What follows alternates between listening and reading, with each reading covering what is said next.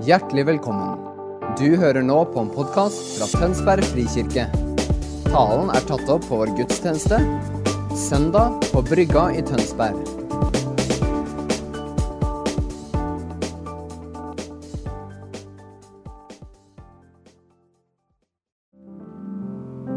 Takk, Jesus, for livet du ga, og for livet du vant, og for livet som du gir oss hver eneste dag.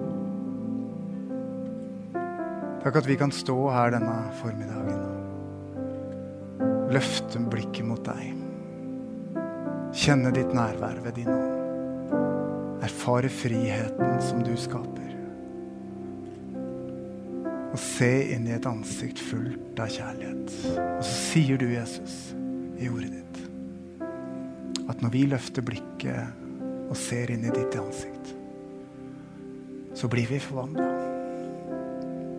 Fra herlighet og til herlighet.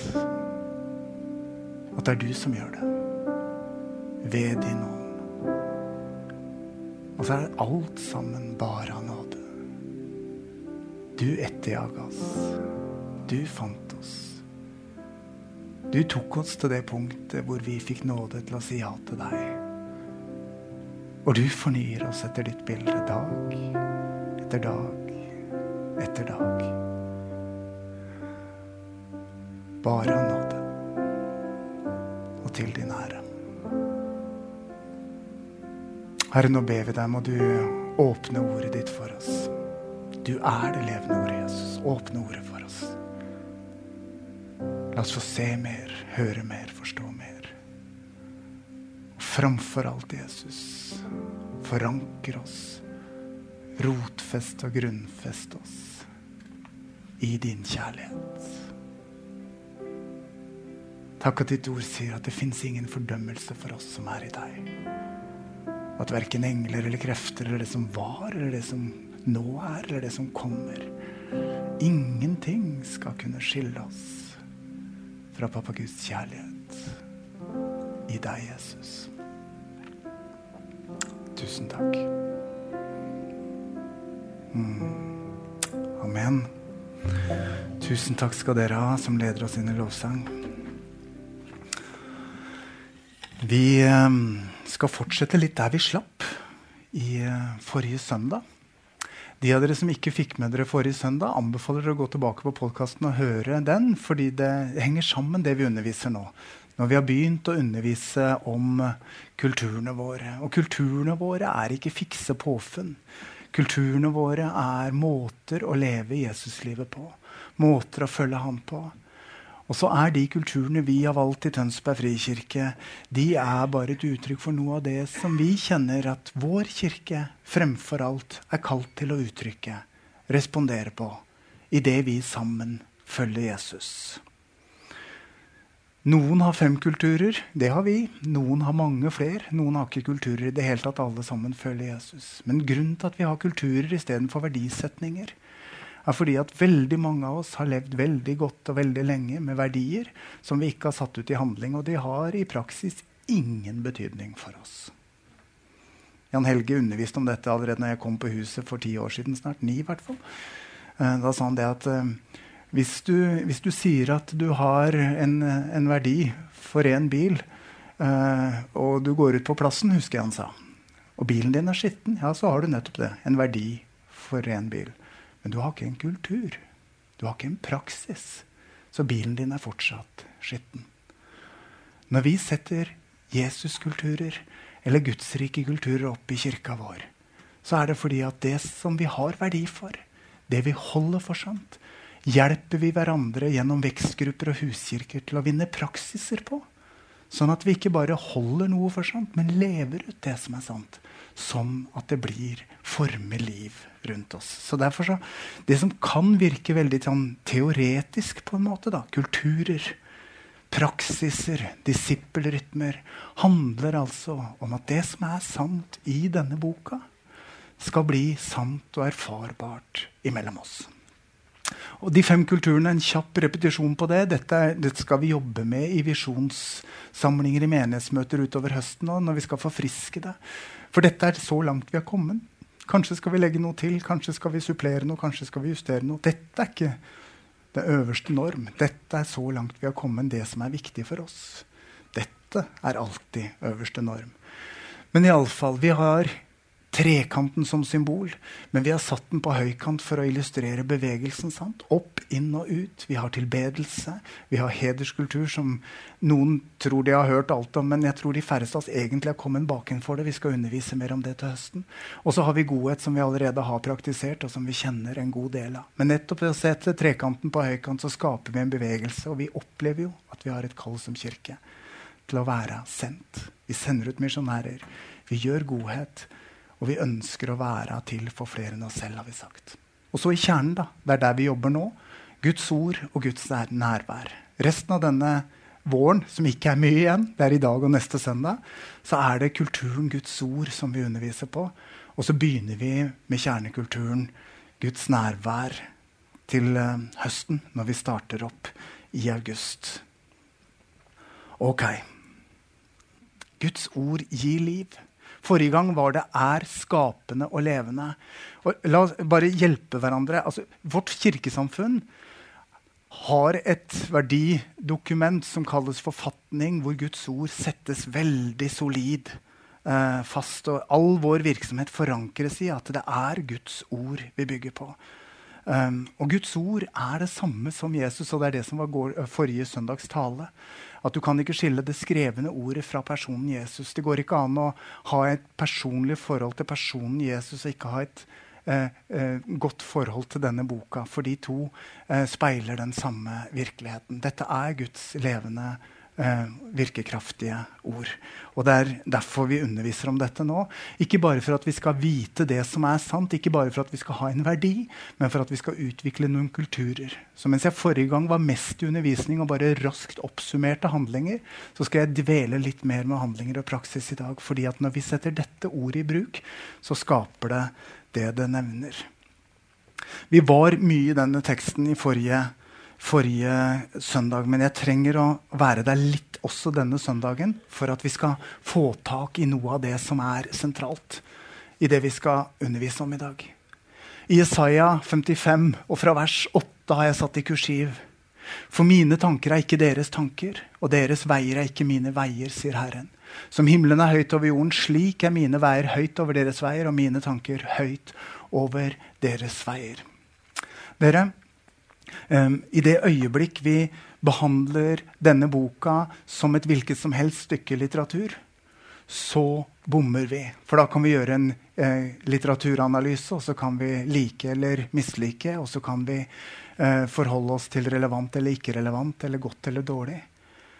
Men det blir en helt umulig måte å forholde seg til Guds ord på. Og jeg sa også forrige søndag at selv om vi så skulle gjøre det, så ville vi aldri ha 2023-briller på når vi analyserer et klassisk verk fra gammel tid. Da ville vi gjøre alt vi kan for å skjønne kontekst og sammenheng for å få tak i hva var forfatteren Shakespeare sin hensikt og budskap, som kanskje har noe universelt i seg, sånn at vi kan ta den meningen og gi den god relevans inn i vår samtid med etter beste evne respekt for det som var opprinnelig budskap. Sånn jobber vi også med bibeltolkning det var forrige søndags undervisning. Skal ikke bruke mer tid på det nå. Men uansett så er dette noe annet. Dette ordet er åpenbaringen av Guds visdom. Han hvis tanker er høyere enn våre tanker. Og da er det jo sånn at hvis du står med en kanne med 20 liter vann, så prøver du ikke å putte det opp i en 10 liters bøtte, for du vet at du kommer til å miste halvparten. Og det samme er det.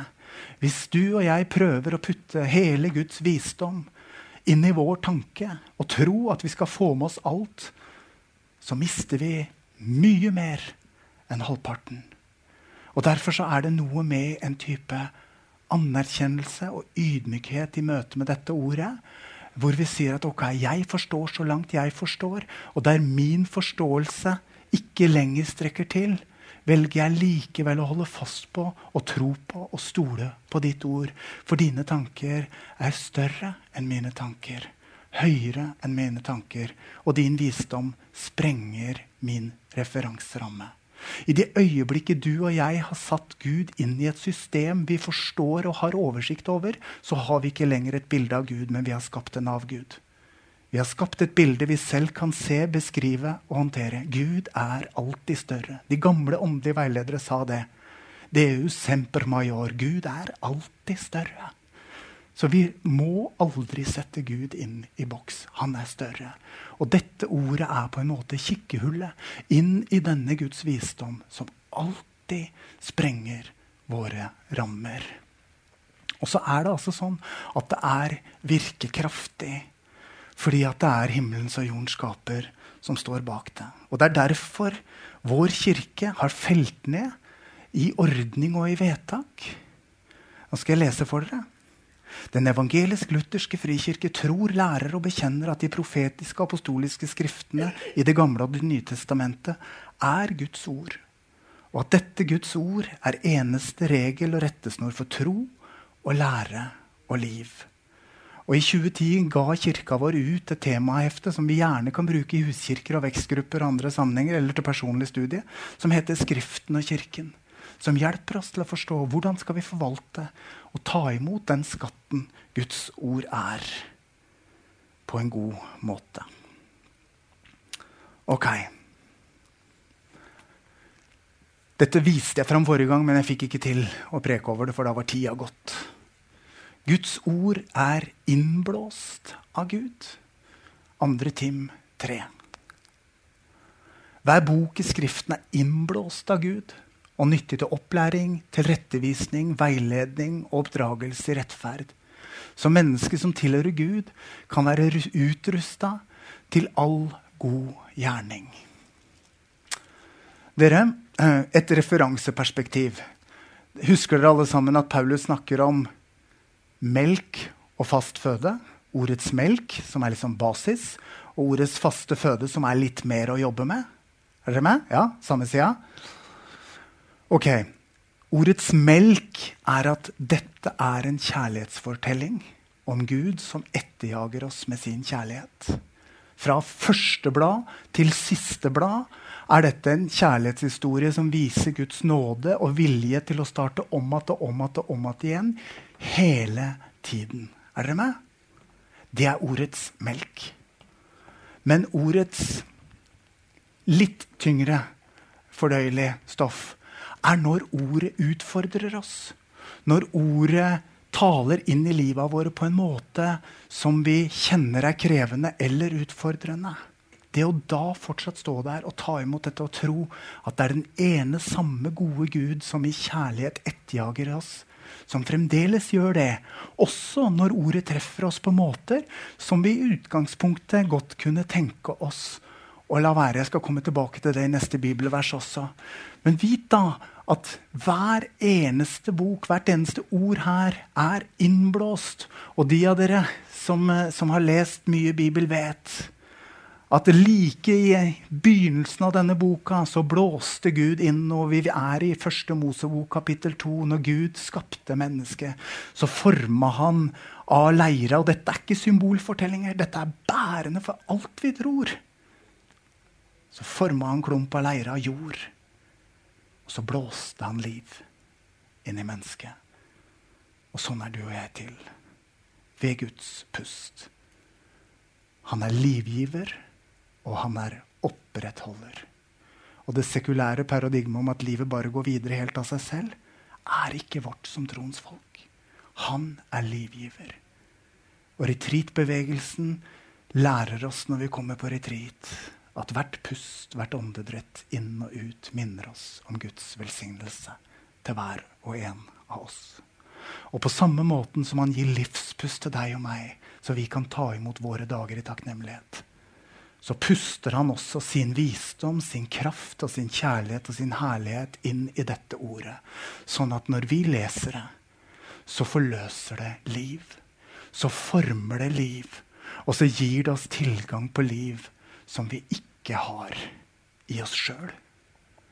Og hensikten, Guds hensikt med dette er at han skal få forme oss. Akkurat sånn som jeg ba i innledningen. Det var en spontan bønn, men det passer godt å vise til det.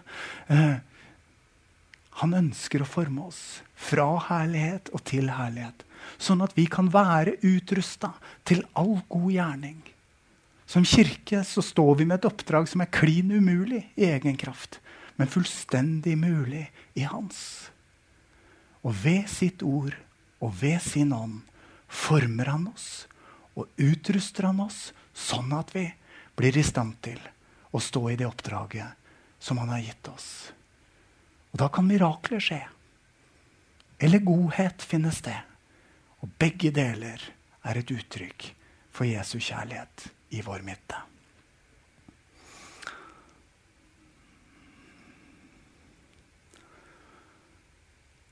Hva er det denne boka lærer oss om hva som er menneskets grunnsyn? Vi kan formulere det best med treåringens trass. Klarer selv helt alene. Det er jo det som er fortellingen. Har Gud virkelig sagt? Nei, kanskje det. Kanskje vi skulle prøve på egen hånd. Det gikk ikke så bra. Idet vi fikk all kunnskap og visdom, så fikk vi også alle konsekvenser, og før det levde vi i uavbrutt fellesskap med Gud, i fullstendig frihet og med all velsignelse og all forsørgelse. Men etter at vi spiste av det og klarte selv helt alene, så gjemte vi oss, for vi kjente skammen. Og vi måtte bære vekten av egne liv og egne konsekvenser. Gud inviterer oss til igjen å komme inntil i ubrutt fellesskap. Hvor nåden dekker over det som fra tid til annen blir feil i våre liv. Og sånn at vi får kraften og kjærligheten til å stå i det han har kalt oss til. Skal komme tilbake til det om et lite øyeblikk. Men se litt på dette her. Dere kan google eh, Masara Emoto hvis dere vil. Men dette var en japansk forsker, doktor, som forska på ord og ords betydning eller, eh, form, eller, ords kraft til å forme i vann. Det han altså gjorde, det var at han eh, hadde vann foran seg som han sa ulike ord over. Og så frøs han det vannet og studerte det i mikroskop. Dette her ligger åpent, og dere kan lese det. Det er utgitt bøker på det. Se hvor vakkert. Takk. Visdom, sannhet, evighet, engel. Jeg elsker deg. Fred. Vakre formasjoner. Men din dust, eller du gjør meg dårlig, eller ondskap, eller forurensa vann, før bønn og etter bønn. Dette er ikke en kristen mann. Dette er ikke en kristen mann. Den bønnen han refererer til, var faktisk en uh, buddhistbønn. Uh, det han sier, det er at ord former. Ord har påvirkning til å forme virkelighet i vann. Så består vi av 70 vann, da, dere. Uh, så da har vel orda vi sier til hverandre, også en viss påvirkning. Ikke bare emosjonelt og kognitivt på oss, da, men kanskje til og med fysiologisk. hva vet jeg. Men uansett så har jeg bare for å være innafor som bibellærer da, satt opp noen bibelreferanser for det samme poenget. Tungen har makt over død og liv. Og de som gjerne bruker den, får smake frukten, ordspråkene. Vi snakker om ordet, Guds ord i dag. Men også våre ord, ord i sin alminnelighet, har makt. Og eh, Salomo hadde fanga det inn. Og Derfor er det en vis som styrer sin tunge. Så han bare sier det som bygger opp. Så det blir til velsignelse. Efeserne 4,29. Og Jakob tar det opp for å si slik er det også med tunga. En liten kroppsdel. Men den kan skryte av sin store makt. Ord skaper i allmenn forstand. Og Guds ord skaper i særskilt forstand. Og Jeg sa forrige søndag, jeg gjentar det i dag, som en viktig verdisetning på kulturen Guds ord. Når vi leser Guds ord, så leser ordet oss. Når vi leser Guds ord, så leser ordet oss. Og min anbefaling til oss som fellesskap når vi setter oss ned i vår daglige stønn med Bibelen, er Les inntil du kjenner at ordet leser livet ditt. Eller med andre ord les inntil du kjenner at Den hellige ånd gjør noe mer levende. Noe står fram på sida. Noe treffer livet ditt. Og så bli der. Og la det som da skjer, være din fortrolige samtale mellom deg og han som er ordet, Jesus. Og dere, Når vi leser Hebreerne 4, som dette ordet er henta fra, så må vi igjen lese dette i kontekst av Guds kjærlighetsfortelling og utstrakte Han til oss. For her kan vi fort ende med å lese noe annet enn evangeliet. For Guds ord er levende og virkekraftig og skarpere enn noe tveget sverd. Det trenger igjennom til det kløver sjel og ånd og marg og bein og dømmer hjertets tanker og planer. Ingen skapning er skjult for ham, og alt ligger åpent og nakent for øynene på ham, som vi skal stå til regnskap for. Hører dere evangeliet? Hører dere kjærlighet? Hvis ikke dere gjør det umiddelbart, så håper jeg jeg kan hjelpe dere. For dere Dette ordet er skrevet av han som var med på, ord, på, denne bokas første side og skapte alt sammen. Og han var med der i det tredje kapitlet når det ramla sammen. Hva er det som skjer når vi av og til leser ordet og vi kjenner at det rammer meg'? Så får jeg behov for å gjemme meg. Ja, Men det gjorde de der i den grunnfortellinga, og gjorde de ikke. De fant noen fikenblader, og de gjemte seg i hagen, og Gud måtte rope etter dem.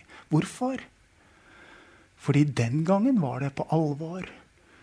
Det var ingen løsning på problemet deres. Men for oss er løsningen der. Dere, når ordet rammer våre liv, så trenger ikke vi skjule oss, for alt ligger åpent for øynene på Han som vi en gang skal stå til regnskap for.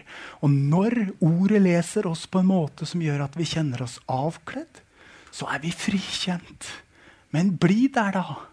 Når ordet treffer noe i ditt liv som du kjenner at kaller til en endring. Det er det de gamle kalte for omvendelse. Omvendelse. Omvendelse er vår seiersgang som kristne. Hver gang vi omvender oss, så sier vi at Gud har rett. Hans offer i Jesus Kristus var nødvendig. Og nåden er nok for meg. Dere, Det er det religiøse tankesettet som gjør at vi gjemmer oss. Og dette kan veldig fort snike seg inn i kirka. Og der må vi hjelpe hverandre, så vi forblir et nådig fellesskap. For vi tenker at vi blir frelst ved nåden, og vi elsker når en rusmisbruker forteller om fra mørke til lys og fra all verdens elendighet og til herlighet. Da klapper vi hendene. Men det å stå frem og si 'jeg var bundet, men jeg har blitt fri' etter å ha levd med Jesus i 20 år, det er vi ikke fullt så høye på bekjennelsen på. Er dere med? Men i det øyeblikk vi ikke lever i den evangeliske rytmen av stadig å vende om og la ordet avsløre og frigi, så blir vi fariseiske i alle fall i omgangen med oss sjøl. Så må vi dekke oss til og skjule oss, fordi vi burde jo, skulle jo, ha klart bedre. Kjenner dere igjen tankegangen? Dere, det er ikke av Gud. Når ordet avslører oss på en måte som skaper dårlig samvittighet, så er det en som har et kallenavn som heter Anklageren, mener jeg å huske. Som har begynt å hviske til ditt indre. Da er du midt i den åndelige kampen. Er dere med? Når ordet avslører noe i vårt liv, så er det aldri til fordømmelse. Johannes åtte, kvinna som var grepet, bokstavelig talt avkledd får beskjed om fra Jesus. Heller ikke jeg fordømmer deg. Gå bort og synd ikke mer. Ingen av oss skal avkle hverandre. Men la ordet avkle deg, sånn at Han som er ordet, full av nåde og kjærlighet, kan få frigjøre deg. Og la deg ikke bedra til å tro at nå har du kommet så langt at nå du, burde du ha fått det til. Jeg har sagt mange ganger modale hjelpeverb er avlyst i Guds rike. De definerer et lovisk tankesett. Hver gang du sier 'måtte', 'burde', 'skulle', så er du på vei til et eller annet som har plikt og krav i seg. Men denne boka er en kjærlighetshistorie som jager etter din frihet for å utruste deg til å leve så fritt og så godt som han vil. Ja. Så en oppmuntring her. Vi har huskirker og vekstgrupper, dere. Til å våge. Ikke i full huskirke. Ikke i full vekstgruppe heller. Men overfor den ene eller de få. Å bekjenne synd for hverandre. Når gjorde jeg det sist? Jeg har to, tre har jeg, i mitt liv som jeg setter meg ned ved og sier Nå er det sånn. Nå er det sånn. Nå er det sånn. Det er den veien jeg trenger å gå for å stå midt i nådeelva med mitt liv. Og det er min vennlige anmodning til dere alle sammen. Ha noen dere har tillit til, og gå så transparent med at ikke anklageren og løgnens far får muligheten til å lure dere til å gjemme dere bortenfor nådens frigjørende kraft. For det er det han ønsker for oss. Virkelig. Så når jeg har hatt sesonger og saker gående i mitt liv, så har jeg satt meg ned og så har jeg lest ordet på akkurat de temaene som er casen i mitt liv. Og jeg har lest de inntil jeg kjenner at det blør. Hvorfor? Fordi at alle som er sykepleiere, vet at skal et verkesår gro, så må det renses først. Når ordet i kjærlighet har fått kutta opp det som er et sår i mitt liv, så kan det gro med nådens legedom. Så blir det noe veldig vakkert ut av akkurat det. Klarte jeg å male evangeliet ut av dette for dere, så dere griper det? Ikke helt overbevisende. Jeg vet at det jeg sier, er tydelig. Men vi lever i en tid hvor vi gjerne tvister på sannheten. Og med det definerer vi rom for fangenskap. I nådens lys, totalt avslørt av Han som er total kjærlighet. Bare der har vi vår frihet. Bare der har vi vår frihet. Og Da kan vi lese videre i Hebreerne 4 etter at teksten på tavla slutter. For der står det Ingen skapning er skjult for Han. Alt ligger åpent for øynene på Han som vi skal stå til regnskap for. Og siden vi har en så stor øverste prest som har gått inn gjennom himmelen i Jesus, Guds sønn, så la oss holde fast ved bekjennelsen.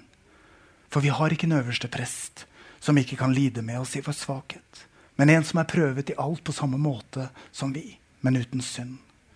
La oss derfor med frimodighet tre fram for nådens trone, så vi kan finne barmhjertighet og finne nåde som gir hjelp i rette tid. Ordet er vårt skriftespeil, som hjelper oss til den friheten han har for oss. Ok, da skal jeg gå inn for landing. Jeg gjentar dette fordi vi altså ønsker å skape en kultur. Et handlingsmønster. Og jeg oppfordrer dere, uansett hvor dere er, så skriv ned dette. Og få med, få med disse tre-fire aspektene. Den ene måten å lese Bibelen er mannakornet. Enten vi trekker det fra en krukke vi har, eller vi får dagens bibelord inn på appen vår, eller hva det nå enn er. Det har sin verdi. Da kommer orda likt og ulikt helt ut av kontekst, og muligheten for at du forstår eller misforstår, er høyst til stede. Men da er det godt med 1. Johannes 2,27, som sier at den salven som blir i dere, skal lære dere om alt, og dere trenger ikke at noen lærer dere, for salven blir i dere og skal lære dere alle ting. Vi må stole på Den hellige ånds veiledning når vi tar imot ordet på den måten. Den åndelige lesningen er den langsomme lesningen. Den kommer jeg straks tilbake til. Og så er det mengdelesningen. Hvis du aldri har lest igjennom hele Guds ord, Sett deg et mål om når du skal gjøre det. I løpet av et år, i løpet av fire år, i løpet av fem år. Men les gjennom, for det henger sammen. Og jo mer du ser sammenhengene, jo tydeligere ser du den kjærlighetsfortellingen jeg forteller deg om. Som har en slutt og en begynnelse, og det henger sammen med en kjærlig Gud som inviterer til fellesskap. Få kjennskap til historiene. Les. Og så er det dybdelesingen. Noen av oss liker også det. Det fins masse online-ressurser nå. Blue Letter Bible, hvor du går tilbake til grunnspåråkene. Mange andre. Og eh, bibeloppslagsverk på nettet, som gjør at du kan grave inn og se at hvert eneste ord står i lys av et annet, sånn at du skjønner hva Luther sa når han sier at Skriften er sin egen forklarer. Så vi ikke ender med en konklusjon og en tolkning på ett ord som står i strid med resten av ordet, og så sier vi at dette ordet er vanskelig å forstå. Nei, Skriften kaster lys over seg selv. Så når du leser ett ord, så kan du gjennom å bore ned og se hyperlinker, kalles det på moderne. Kryssreferanser, sa vi før. Det funker for det samme. Så ser vi at dette ordet henger sammen. Og det motsier seg ikke. Ok. Neste.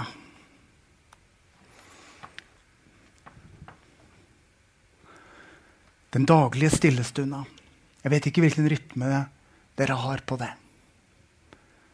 Har du noe som fungerer, som hold fast på det og ikke bry deg om det jeg sier. Men hvis ikke du har den daglige rytmen av stillestunda med Jesus, og det er noe annet enn bibelordet på appen, eller Egil Svartdals ett minutt, eller hva det nå enn måtte være, det er bra, men det er mannakornet. Dette er den åndelige lesninga, stillestunda, med Han som er Ordet, med Jesus. Han som inviterer deg til fellesskap. Som først og fremst vil ha relasjon med deg. Og som gir deg det ved sitt ord og ved sin ånd. Og da kommer vi tilbake til det jeg sa. Les ordet. Det ordet leser deg.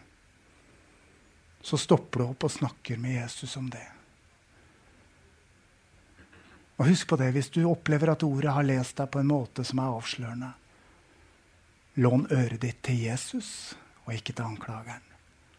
Men når noe er avslørt, snakker man om det. Når noe er tilskynda, snakker man om det. Når noe har blitt viktigere enn noe annet, snakker man om det. Når du har sett noe som du ikke har sett før, snakker man om det. Og appliser det på dagen din og på livet ditt. For Jesus er midt i livet ditt.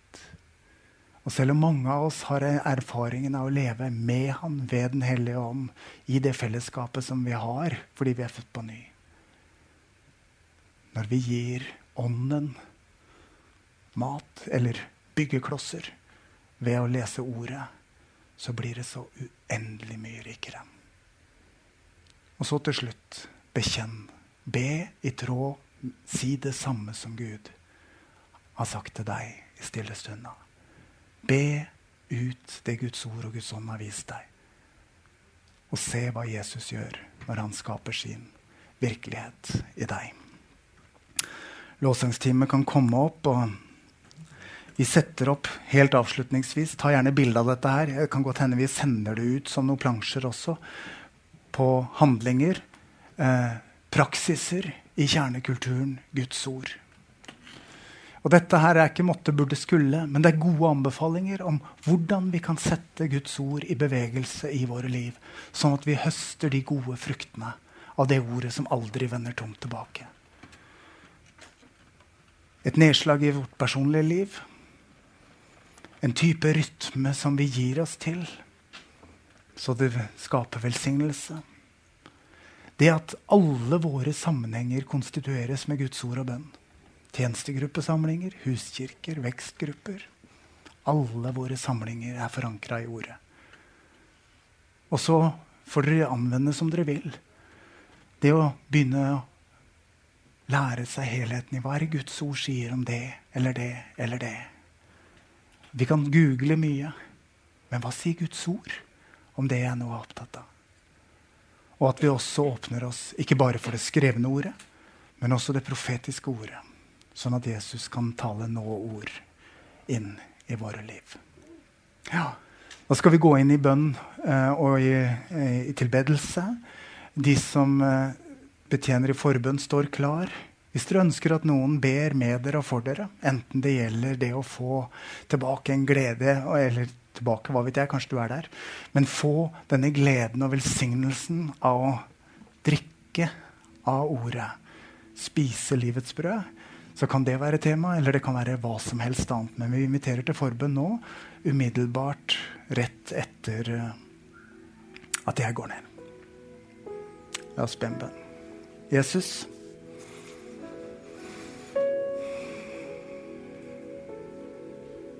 forankre oss i din nåde og din kjærlighet. Forankre oss i barnekåret ved din nåde.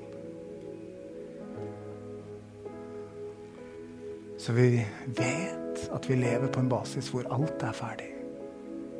Alt er gjort. Ingenting er krevd. Alt er gitt. På den basis, Jesus, så ber jeg deg, må du åpne ordet ditt for oss. Bredden, historiene, fortellingene, linjene. Og nå orda vi trenger inn i liva våre. Sånn at du, Jesus, i sannhet kan være vår kirkes herre. At du leder oss, hver og en av oss, i våre personlige liv og på arbeid og i relasjonene våre, familiene våre. Og at du leder oss, Herre. Former oss og forløser ditt liv i vår kirke. Jesus, vi er fordi du er. Vi er her fordi du er. Åpenbar deg for oss, Jesus, som enkeltmennesker og som fellesskap mer og mer og mer. Sånn at vi ser deg mer, og sånn at de som ser oss, ser deg.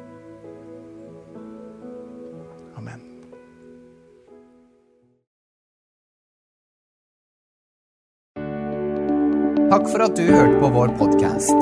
Har du spørsmål eller ønsker du å vite mer? Søk oss på vår nettside tonsbergfrikirke.no. Du er også velkommen til kirke på Brygga i Tønsberg.